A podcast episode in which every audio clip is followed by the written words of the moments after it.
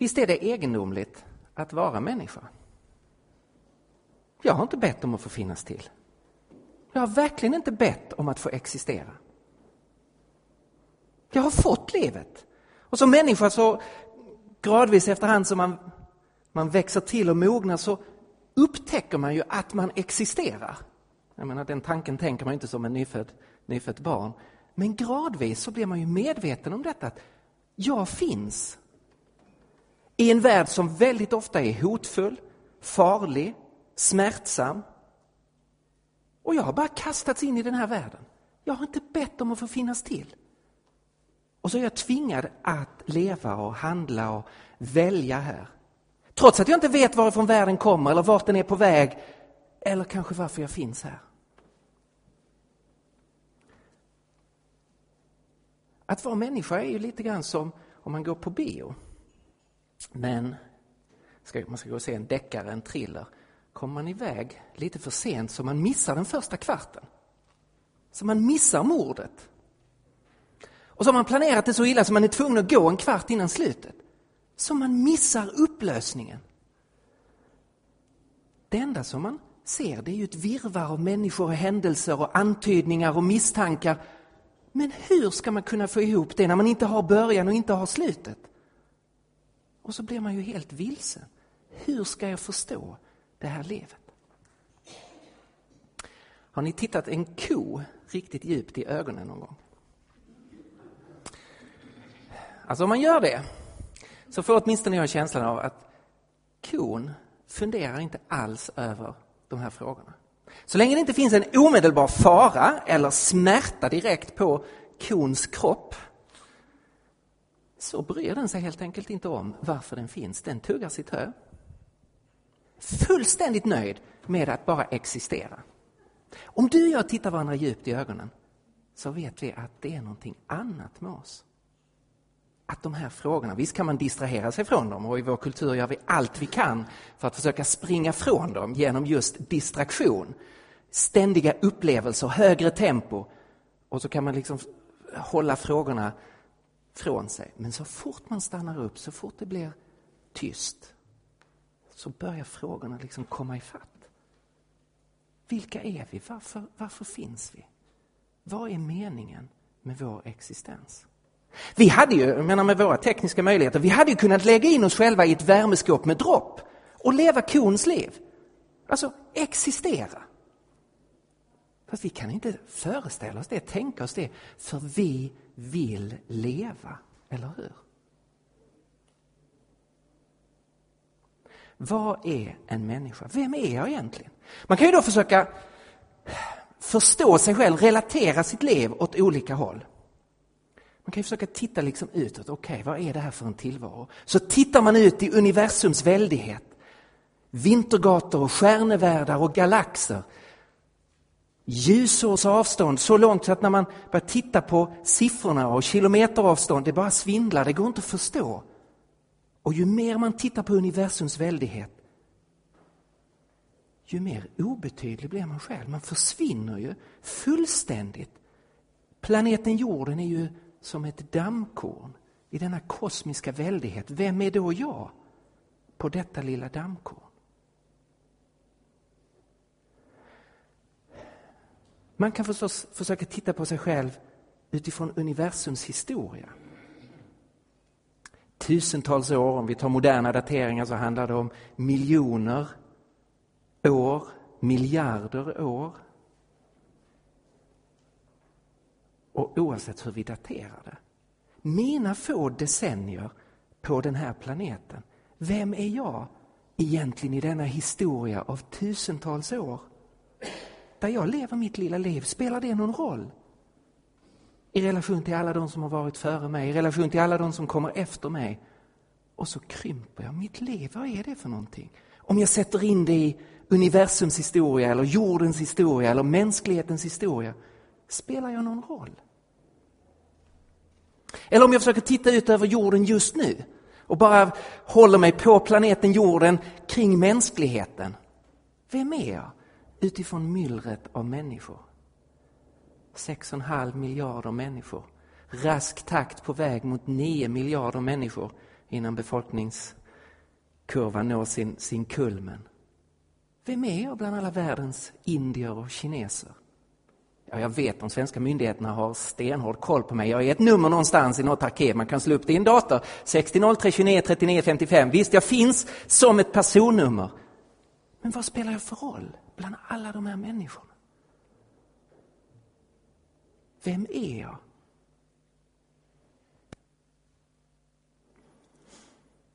Och om jag tittar in i mig själv, vem är jag egentligen? Om jag funderar på mig själv och tvetydigheten. Nej, jag kommer inte använda den. Tvetydigheten, mångtydigheten i mitt eget väsen, trasigheten. Det som jag skäms över, det som jag inte vill att andra ska veta om. Det som är ihåligt eller sargat. Och så krymper jag och krymper jag. Vem är jag egentligen? Spelar jag överhuvudtaget någon roll? Och ytterst sett, vem är jag? Om det inte finns en Gud. Om det enda jag kan relatera mig till är universum och historien och mänskligheten. Vem är jag egentligen? Om man pratar med unga människor. När distraktionen inte är det enda som liksom upptar sinnena så är detta en helt avgörande fråga. När man låter liksom tillvaron komma ifatt en själv så är det den här frågan som kommer upp. Vem är jag? Är jag egentligen någonting om det inte finns en Gud? Om man lyssnar till dem som har räknat bort Gud så är det många där som är väldigt tydliga med hur obetydlig människan är om det inte finns en Gud. Ingmar Bergman som ju på ett sätt kämpade med gudsfrågan i så många filmer under så lång tid av sitt liv men som ändå ju var tydlig att han räknade inte med att det finns en Gud. Han skriver så här i sin självbiografi, Laterna Magica, som en recensent, en recensent kallade Laterna Tragica. Du föds utan avsikt, lever utan mening. Levandet är sin egen mening. Då du dör slocknar du från att vara, förvandlas du till ett icke-vara.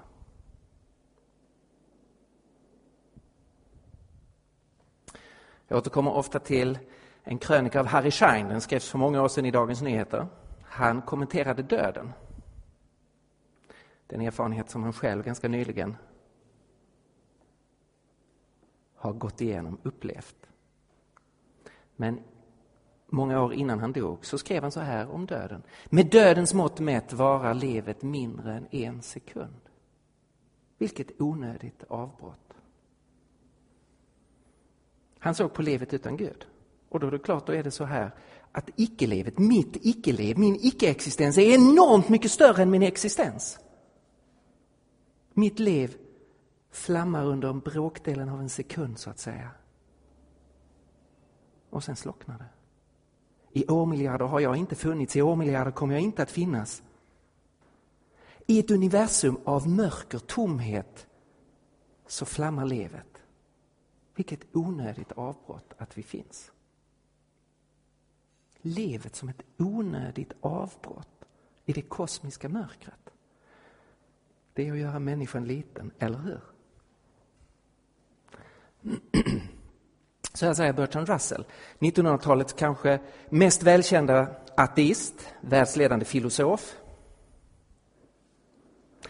Han skriver så här i sin självbiografi. Varje fånge har trott att det utanför hans murar finns en värld av frihet. Men nu har hela universum blivit själva fängelset. Därför att det finns ingenting mer än universum. Det finns ingenting mer än det fysiska universumet. Han fortsätter. Det är mörker utanför. Och när jag dör kommer det att bli mörker inuti. Det finns ingen härlighet, ingen storhet någonstans. Endast trivialitet för ett ögonblick. Och sedan ingenting. Det finns ingen härlighet, ingen storhet någonstans. Endast trivialitet för ett ögonblick. Och sedan ingenting.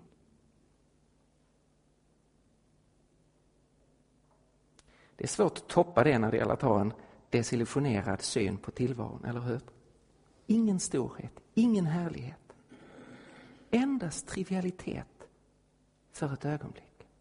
Och sedan ingenting.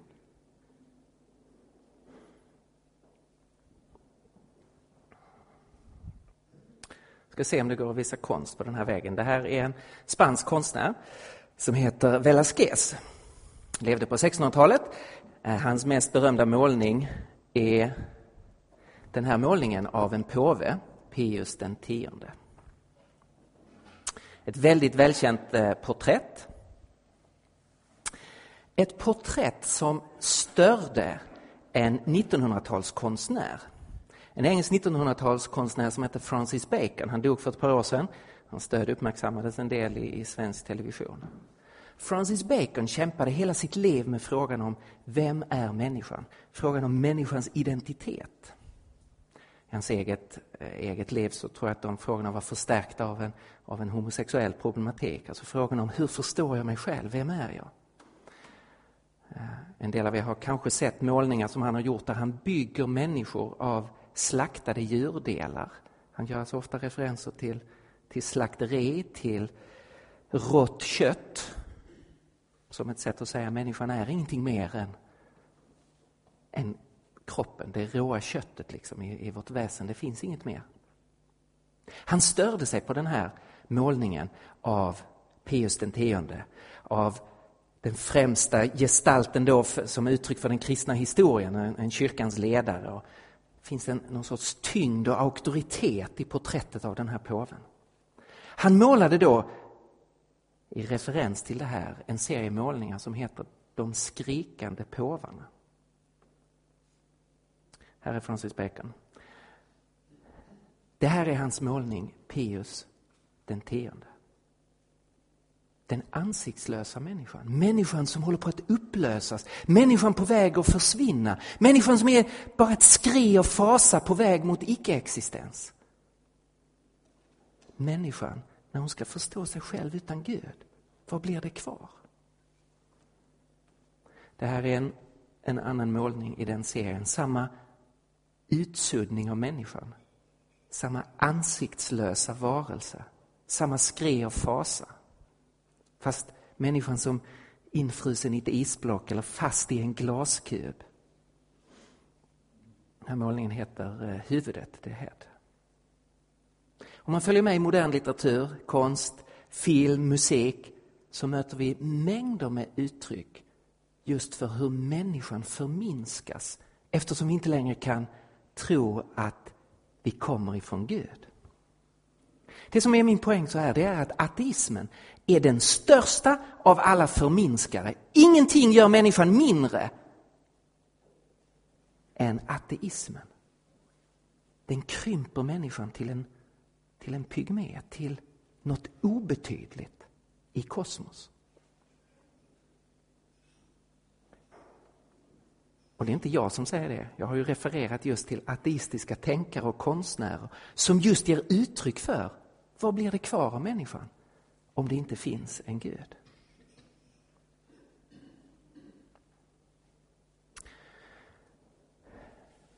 Det här har väldigt stora konsekvenser för den enskilda människan och för kulturen. Hur förstår vi oss själva? Så mycket av glansen i människans ögon försvinner om man inte kan förstå livet utifrån Gud. Jag sitter ofta på tunnelbanan i Stockholm och undrar varför ett av världens mest välmående land, ett av världens mest teknologiskt högstående länder, vi som har allt det som människor tidigare i historien har längtat efter och arbetat för. Varför är det så många tomma ögon? Varför är det som om det ekar inombords? Och jag tror en grundläggande orsak är att vi kan inte längre förstå oss själva utifrån Gud. Och då krymper vi. Och vårt liv töms på det yttersta innehållet. Med det här som bakgrund så ska vi läsa ett helt annorlunda perspektiv. 3000 år gammal text. Kung David som förstår sitt liv utifrån Gud.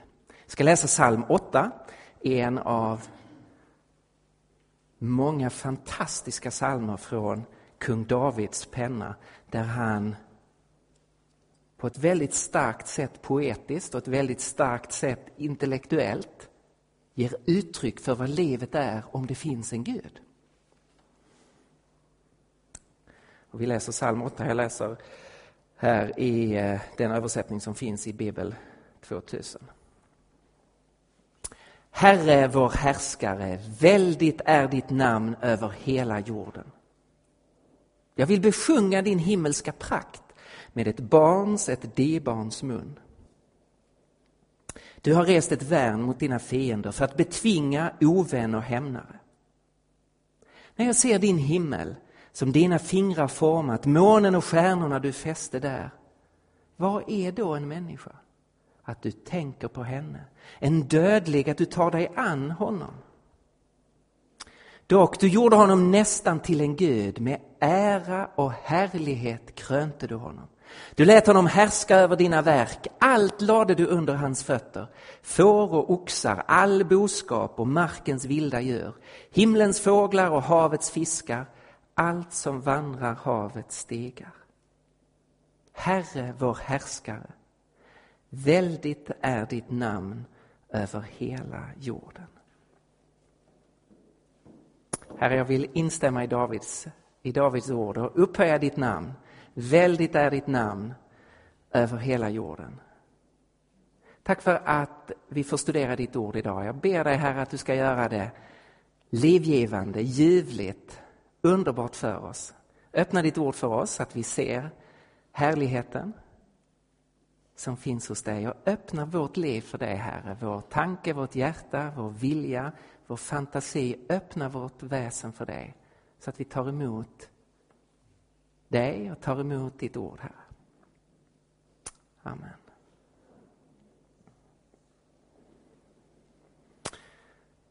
Jag vill säga fyra saker om den här salmen.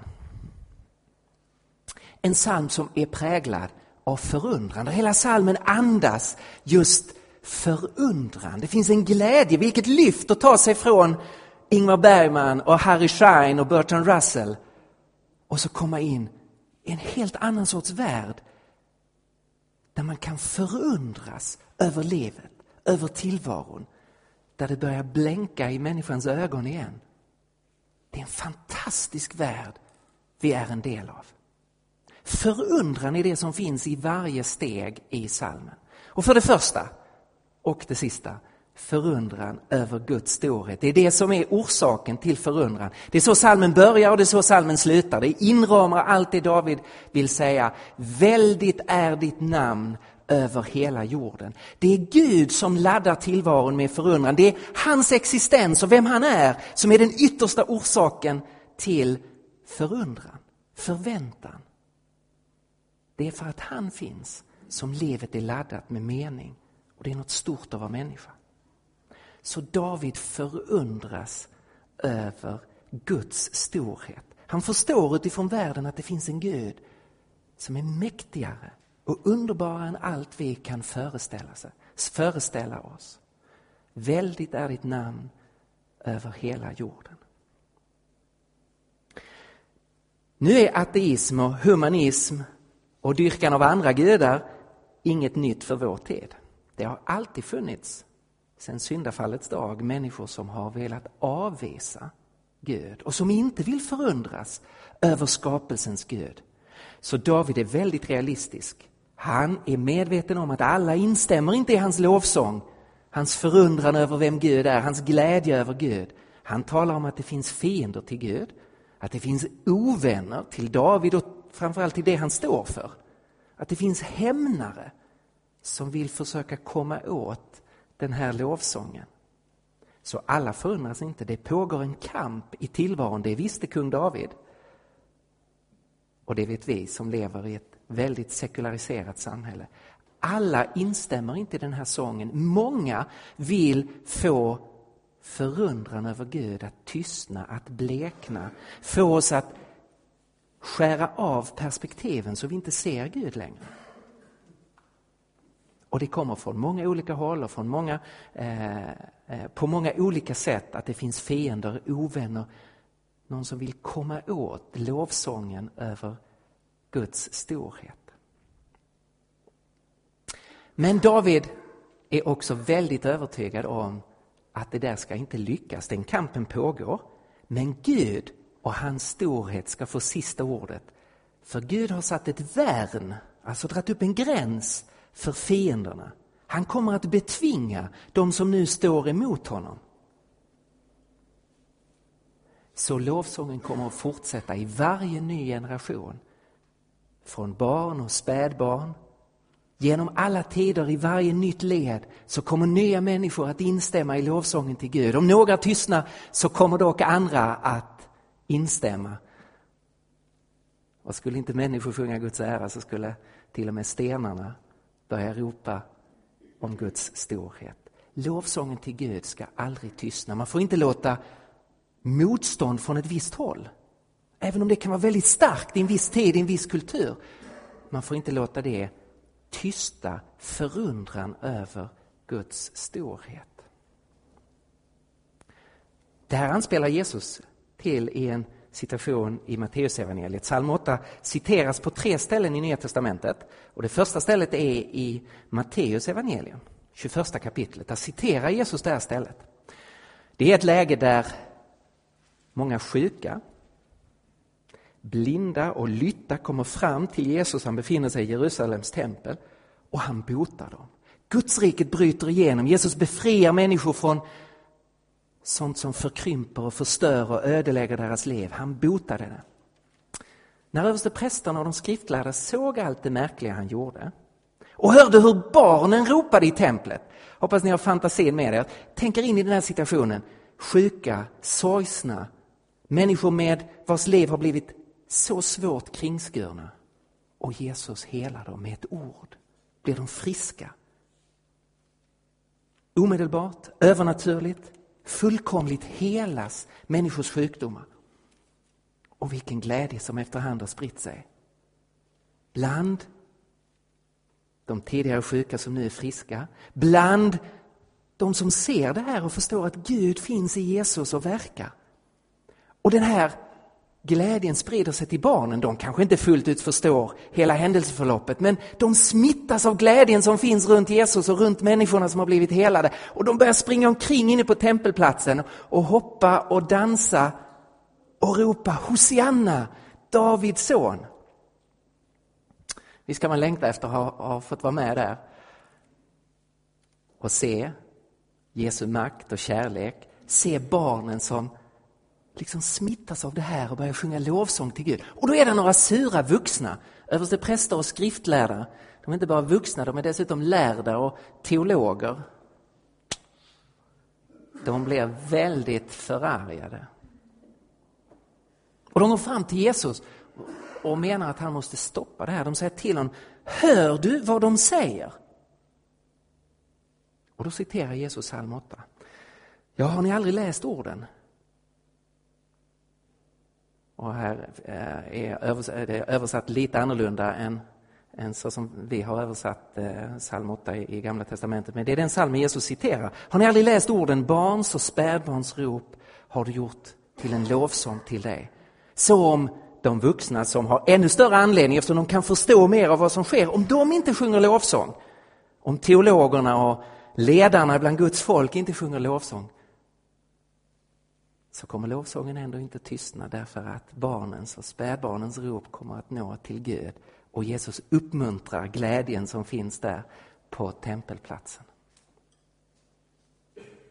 Så, förundran över Gud, det är själva grunden och den ska aldrig tystna.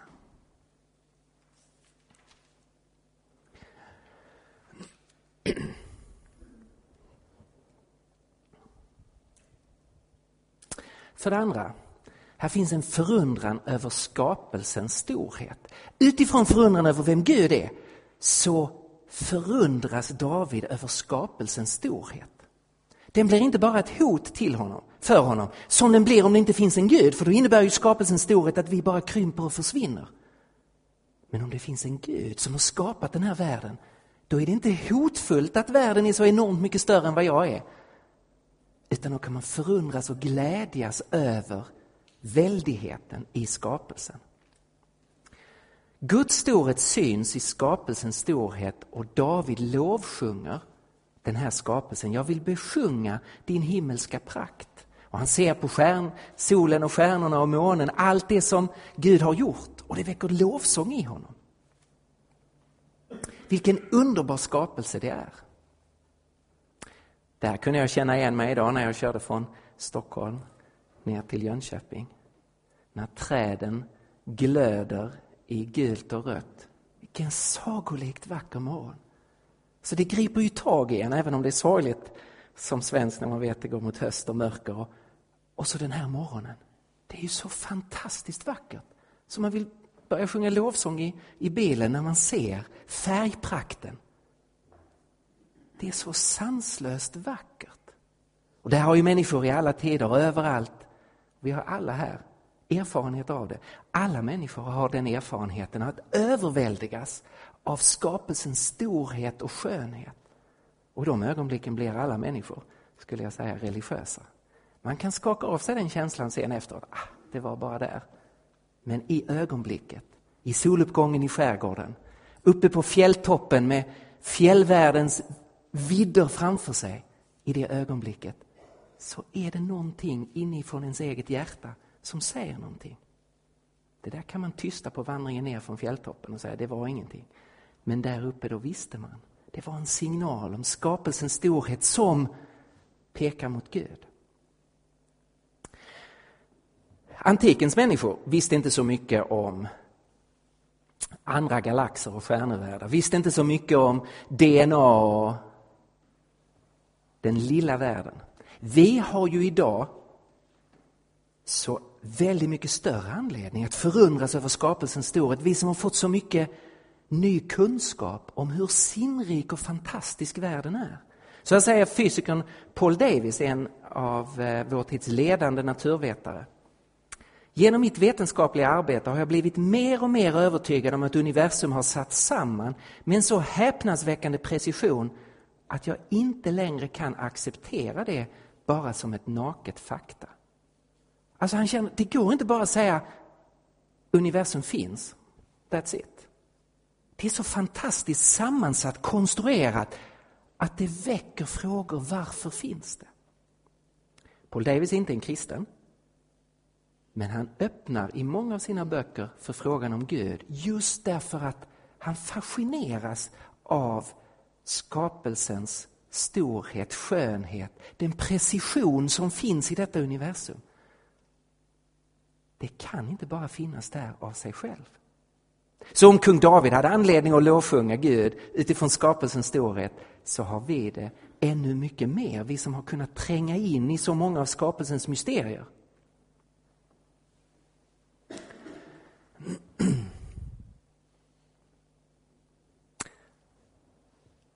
Planeten Tellus, jorden sett från eh, rymden. Ni kan nästan se, ja, det varit lite mörkare hade man nästan kunnat se Jönköping.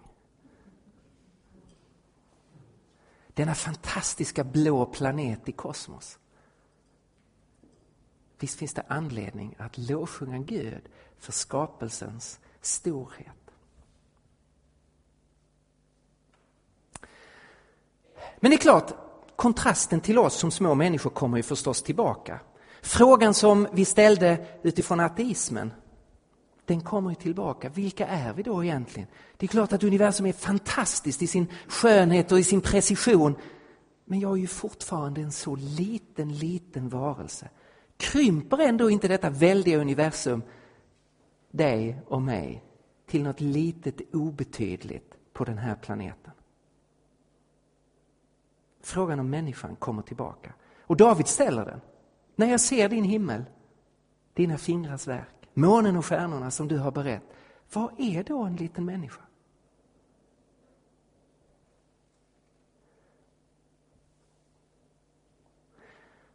Och det är den tredje punkten.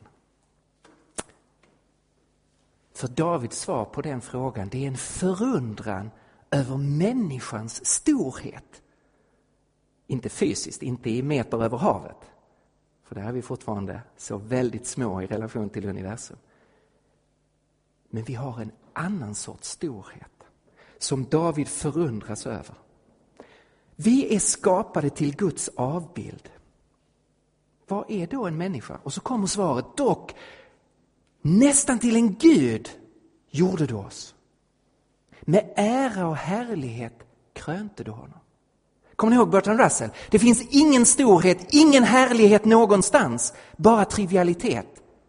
Nu har vi den totala kontrasten. Vad säger David? Med ära och härlighet har du krönt oss.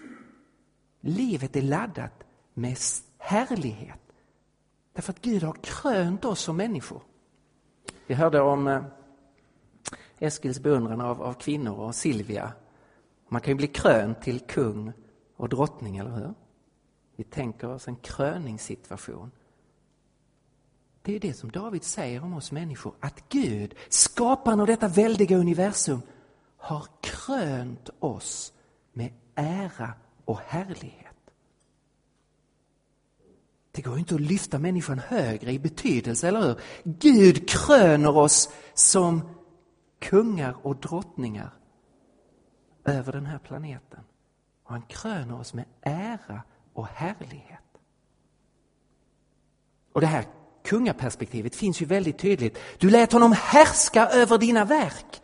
Allt la du under hans fötter. Det var ju så när Gud skapade människan att han gav hela skapelsen till människan råd över den, regera över den, var kungar och härska över den värld jag nu har skapat. Vi är skapade till Guds avbild, vi är krönta till att vara kungar över Guds värld, vi har ett uppdrag. Oavsett hur små vi är fysiskt så har vårt liv ett hänförande innehåll. Skapade av Gud med ett uppdrag att tjäna honom och tjäna varandra i den här världen.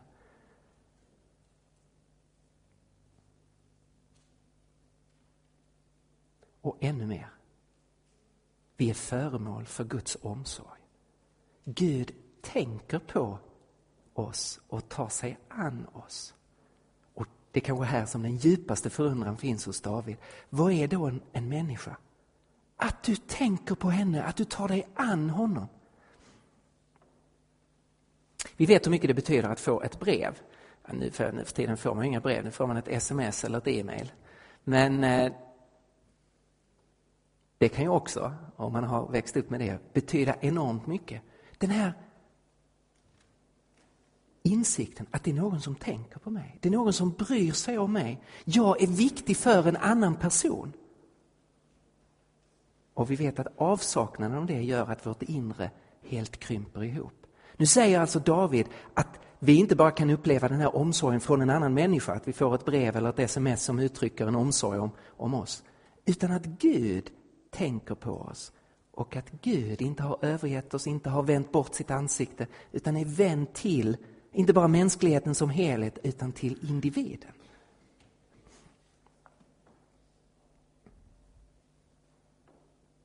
Det här är något underbart för den som blir en kristen och som får uppleva det helt hänförande och obegripliga att Gud bryr sig om mig. Han tänker på mig. Han tänker på andra också. Men det är inte så att han tänker mänskligheten abstrakt. Han tänker på dig, han tänker på mig. Vår situation engagerar honom. Det finns ingen livsåskådning, religion, tro någonstans som lyfter människan så mycket som det vi möter i Bibeln. Skapad till Guds avbild, krönt till kung över Guds värld, föremål för Guds omsorg.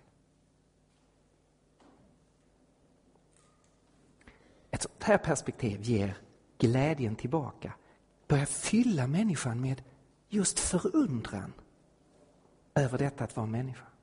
Det David gör här det är att han, han utlägger Första Mosebok. David och Mose har en hel del gemensamt. Det är ju den här texten som David i, i mer poetisk form helt enkelt utlägger. Gud skapade människan till sin avbild, till Guds avbild skapade han dem. Som man och kvinna skapade han dem. Gud välsignade dem och sa till dem, var fruktsamma och föröka er, uppfyll jorden och lägg den under er. Härska över havets fiskar och himlens fåglar och över alla djur som myllrar på jorden. Så det är ju Bibelns början som, som David utlägger. att livet, eftersom det kommer ifrån Gud, är laddat med mening. Det är något sorgset med västerlandets kultur, vi som har kristna rötter men som har tappat det så mycket. Jag Inte om ni har funderat över det, till exempel nativiteten. Det är så här i västerlandet idag att vi inte tror på livet ens så mycket att vi ersätter oss själva.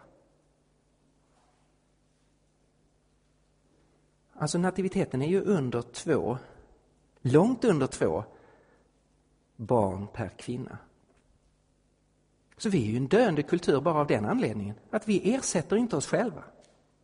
Vi tror inte på livet så mycket att vi bryr oss om ifall det blir en fortsättning. Jag brukar faktiskt upp, uppmuntra studenterna på Kredakademin att skaffa många barn. Det är ett uppdrag från Gud, föröka er. Och det är ett uttryck för att man tror på livet, att det är viktigt att mänskligt liv går vidare.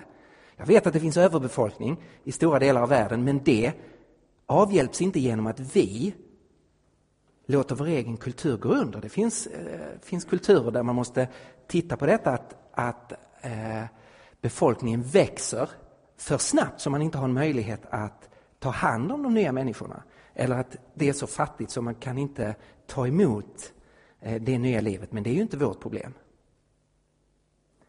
Vi har blivit en så cynisk kultur att vi inte för livet vidare.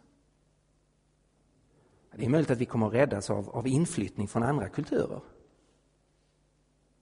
Men med födelsetal på 1,2 och 1,3 så är ju hela vår kultur på väg att sjunka ihop.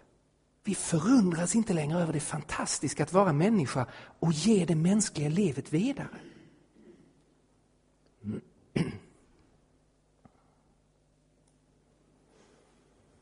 Det här är ju enormt uppmuntrande, det är något stort att vara människor. Det här är, det här är ett evangelium i den betydelsen att det är ett gott budskap. Och vi som församling behöver ge det här budskapet vidare till vår kultur.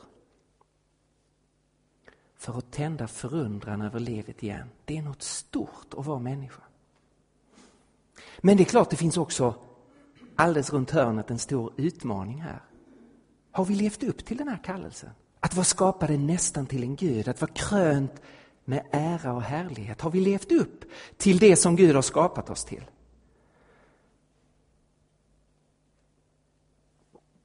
Och det är klart, man behöver inte fundera länge på det här, liksom uppmuntran över att vi är skapade av Gud. Förrän den här tanken också kommer, vi har ju svikit det vi är skapade till kan se ut över världen idag som vi har förött den här världen som vi skulle råda över. Kan se bakåt i, i historien och vi hittar själviskhet och ondska och gudlöshet i varje kultur, i varje tidsskede. Och man kan se inåt i det egna livet. om man vet att man är trasig, att man har svikit, att man inte har levt upp till det Gud har gjort oss till. Där här vet ju egentligen alla människor att man har svikit. Man behöver inte ha Guds ord för att förstå det. Jag gillar ett exempel som eh, Francis Schaeffer ofta använder för att illustrera det här. Tänk dig att, att man eh, fick ett, ett datachip inopererat i kroppen. Och det fungerade så här egendomligt att varje gång man sa eller tänkte något moraliskt så spelades den utsagan in. Alltså så fort jag berömde någon, vad bra, tack, eller jag fördömde någon. Hur kan de göra så? Det är inte klokt, har du hört vad de har gjort? Så fort man anklagar någon så spelas det in. Okej, man gör ett antal hundra moraliska omdömen per dag, eller hur? Om du tänker på din, ditt tänkande och dina ord, där du bedömer andra människor. Om det finns en Gud, vad kommer han göra på domens dag? Ja, för människor som inte har läst Bibeln så så är det ju, vore det ju inte rättvist och det vore så att säga meningslöst att säga att du har inte levt upp till den här boken du aldrig har läst. Nej, det är inte så konstigt. Så man kan ju inte anklagas för att inte ha hållit något man inte haft kunskap om. Ungefär som man eh, åker fast för att ha brutit mot någon regel i ett annat land som man inte kände till, då skäms man inte för det. Man säger, jag är ledsen, jag visste inte att den här regeln fanns. Eh, om man tycker att man är ganska urskuldad, att man har ju bara handlat utifrån eh, okunskap. Nej, det Gud kommer att göra, det är att om man inte har haft kontakt med hans ord så kommer Gud att plocka ut det här datachippet och säga, du har inte haft kontakt med mitt ord, men du har alldeles uppenbart haft moralisk kunskap. Du har berömt andra människor och du har fördömt andra människor. Låt oss nu lyssna på din moraliska kunskap när du med dina egna ord ger uttryck för vad du vet är gott och vad du vet är ont. Och så får man höra sin egen röst formulera gott och ont. Det man faktiskt har haft kunskap om. Och sen kan Gud jämföra ens eget liv med det man har krävt av andra. Och vad kommer då att visa sig? Att ingen människa har levt upp till det man moraliskt har krävt av andra. Alltså att man har en skuld, ett svek. Man har vetat en mängd saker om gott och ont som man har krävt av andra, men man har själv svikit det. Har man Guds ord så har man vetat det ännu tydligare, ännu mer. Och därmed kan sveket bli så att säga ännu tydligare illustrerat. Men i grunden har alla människor samma problem. Att vi har svikit sådant vi vet är sant och gott. Och börjar man ta den här tanken på allvar, det här är en värld som Gud har skapat, så är det uppmuntrande men det är också omskakande. Vad gör man med sitt svek? Vi finns här för att tillbe skaparen och råda över den här skapelsen. Och så har vi avsatt skaparen, ignorerat honom och börjat tillbe det skapade, väldigt ofta oss själv i grunden. Eller eh, något annat skapat. Det är också, vi befinner oss också i en problematisk situation.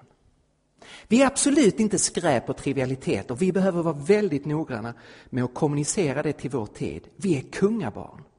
Ingen har en högre syn på människan än den som är en kristen. Och vi ska låta människor i vår omgivning känna av det, att vi högaktar det mänskliga. Men vi är kungabarn som har föraktat vår kallelse och förskingrat vårt arv. Och det behöver man också ta på allvar och våga sätta ord på. Vi är höga varelser. Men vi har avfallit. Vi är, för att igen citera Francis Schaeffer, a glorious ruin. Tänk dig en slottsruin. Stor, mäktig, man kan se härligheten som en gång har präglat hela slottet. Men nu är det mycket som är ödelagt, nu är det mycket som har gått sönder. Nu är det murar som har trillat in, nu är det tak som är sönder så det har börjat ruttna. Vi är en underbar ruin. Det här är ju den kristna människosynen. Människans höghet, men också realism om människans problem. Som C.S. Lewis låter Aslan, lejonet, säga i en av Narnia-böckerna. Lejonet talar till två människobarn och säger Du stammar från Adam och Eva, sa Aslan. Och det är en ära så stor att den fattigaste tiggaren borde gå med högburet huvud. Och en skam så stor att den största härskaren i världen borde böja sitt huvud mot jorden. Här har vi dubbelheten. Kungabarn som har förskingrat vårt arv.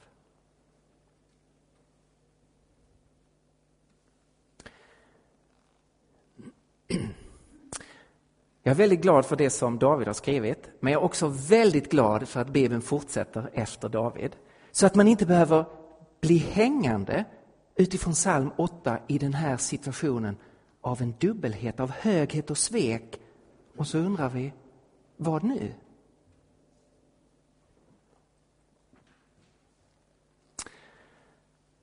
Bibeln fortsätter och i Nya Testamentet citeras psalm 8 på tre ställen. Vi har läst det ena stället i Matteus 21. Men den citeras på två andra ställen där psalmen tillämpas, inte på dig och mig och på hela mänskligheten, utan tillämpas på den nya människan, Jesus från Nasaret, Nasaret Guds son, kungason, som inte svek och som därför är den nya människan, den nya Adam. Psalm 8 citeras i första Korintierbrevet 15, i det stora uppståndelsekapitlet och i Hebreerbrevet 2. Och där citeras salmen om Jesus från Nasaret, han som är den nya Adam eller den sista Adam och som inte gör som den första Adam och vi, i hans efterföljd har gjort, att ha avsatt Gud. Och han är den nya människan som i sanning har rått och blivit satt att råda över inte bara den här skapelsen utan allt som finns. Så jag vill att vi ska läsa de här två eh, textställena, första Korinthierbrevet 15 och Hebreerbrevet 2 och se hur salmen tillämpas. Inte på dig och mig, utan på Jesus från Nasaret. Första Korinthierbrevet 15, det handlar om, eh, om den kommande uppståndelsen och där finns en kort referens till psalm 8. Paulus skriver så här, eftersom döden kom, det här är första Korinthierbrevet 15, vers 21-28. Eftersom döden kom genom en, en människa kommer också uppståndelsen från de döda genom en människa. Liksom alla dör genom Adam så ska också alla få nytt liv genom Kristus. Men i tur och ordning först Kristus och därefter vid hans ankomst det som tillhör honom. Sedan kommer slutet när han överlämnar riket åt Gud, Fadern.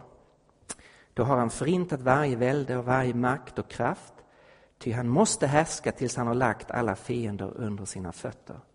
Den sista fienden som förintas är döden, ty allt har han lagt under sina fötter.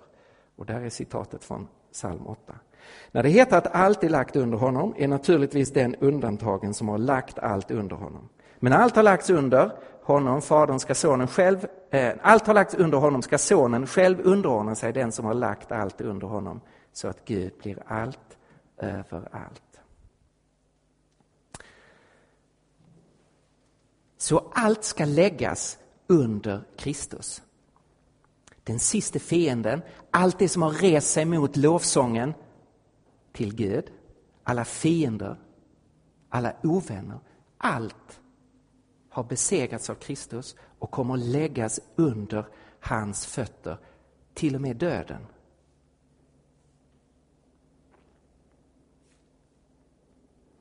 Så här står det i Hebreerbrevet 2, vers 6-9. Här är ett längre citat från psalm 8. Vad är en människa eftersom du tänker på henne? En människoson eftersom du tar dig an honom. En liten tid lät du honom vara ringare än änglarna, men med härlighet och ära krönte du honom. Allt lade du under hans fötter. Det är psalm 8. Och så utläggs det. När han lade allt under honom gjorde han inget undantag. Allt skulle läggas under honom.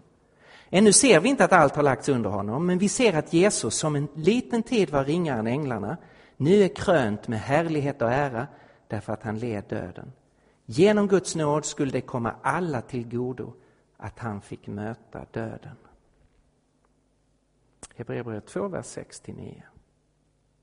Det vi möter här i de här två textdelarna är förundran över Jesu storhet. Han är den nya människan, den sista Adam. Och till skillnad från oss har han inte svikit sin kallelse. Han var trogen sin kallelse och han följde Guds vilja. Genom sin död och sin uppståndelse har han besegrat allt som står Gud emot. Och därför har nu allt lagts under honom. I skapelsens början lades den här skapelsen under oss, men vi svek. Och vi har ödelagt skapelsen, vi har ödelagt oss själva, vi har ödelagt relationen till Gud. Jesus svek inte, han var den nya människan. Mer än så, det var inte bara det att han själv var trogen Gud. Han valde att ställa sig i vårt ställe och bära vår skuld, vårt straff. Och nu har Gud upphöjt honom över allting och lagt inte bara den nya skapelsen under Jesus utan varje makt och välde och kraft, alla fiender, till och med döden. Alla konsekvenser av vårt svek. Allt har underordnats Jesus från Nasaret.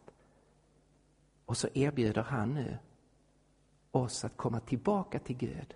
Och trots vårt svek så kan vi utan skam och blygsel få börja förundras över Gud och skapelsen och över vilka vi själva nu kan få bli i Kristus. Och så kan genom Jesus förundran över livet få komma tillbaka. Därför slutar inte Bibeln med att det hänger i luften. Vad är förhållandet mellan vår storhet och vårt svek?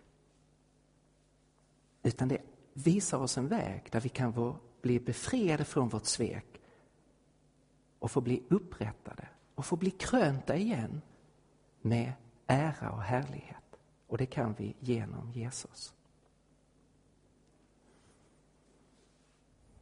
Det här är Simba ifrån Lejonkungen. Simba föddes till lejonkung. Han föddes in i en situation av ära och härlighet. Han skulle bli lejonkungen. Men Simba svek. Ja, han blev också lurad. Det var ett, ett, ett samspel mellan krafter som lurade honom och att han själv svek sin far. Så han var både ansvarig, för han var olydig, han var också ett offer, för det fanns krafter som integrerade eh, som, eh, som arbetade runt honom för att lura honom. Så han var ansvarig och han var ett offer i en, kombination. Och han tvingas fly ifrån lejonflocken. Och han förtvivlar över sitt svek. Han tänker det finns ingen återvändo från mig. Jag får hålla till godo med det här torftiga livet med Simon och Pumba, om ni har sett filmen.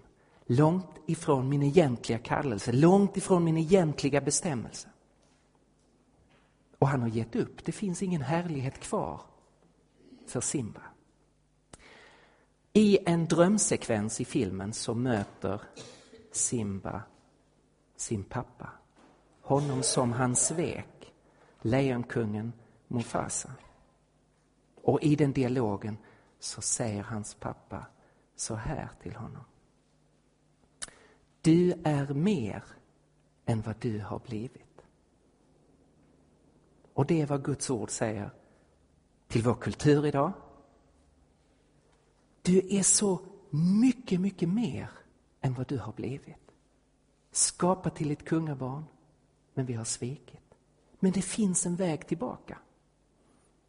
Det fanns det i Disneys värld här att Simba fick komma tillbaka. Men det finns det i verkligheten också på ett mer fantastiskt sätt genom att Jesus bjuder oss tillbaka. Du är mer än vad du har blivit. Men du och jag, människor runt omkring oss i Sverige idag, välkomnas av Gud att få komma tillbaka till det vi var avsedda att vara. Att bli Guds barn, Guds söner och Guds döttrar, kungabarn, krönta med ära och härlighet. Och då kan förundran över livet komma tillbaka. Då kan cynismen och tomheten få börja ge vika för lovsång och glädje och förväntan. Det är något stort att vara människa. Herre, jag vill tacka dig för det fantastiska att få leva i din värld. Tack för att du har skapat den här världen. Tack för att du har skapat oss och att du har skapat mig och gett mig livet. Herre, jag vill tacka dig. Tack för den skönhet som du har laddat den här tillvaron med. Och mest av allt här så vill jag tacka dig för att du inte har svikit när vi har svikit dig. Tacka dig för upprättelse och befrielse och en väg tillbaka. Vi ärar dig Jesus för att du gjorde det möjligt för oss. Vi tackar dig. Förundras över din kärlek, du som har älskat oss först. Vi vill säga här mitt i vår svaghet att vi älskar dig. Tack för att du la ner ditt liv för oss. Så att vi kan bli det du har tänkt. Tack Herre. I ditt namn, Jesus, ber jag. Amen.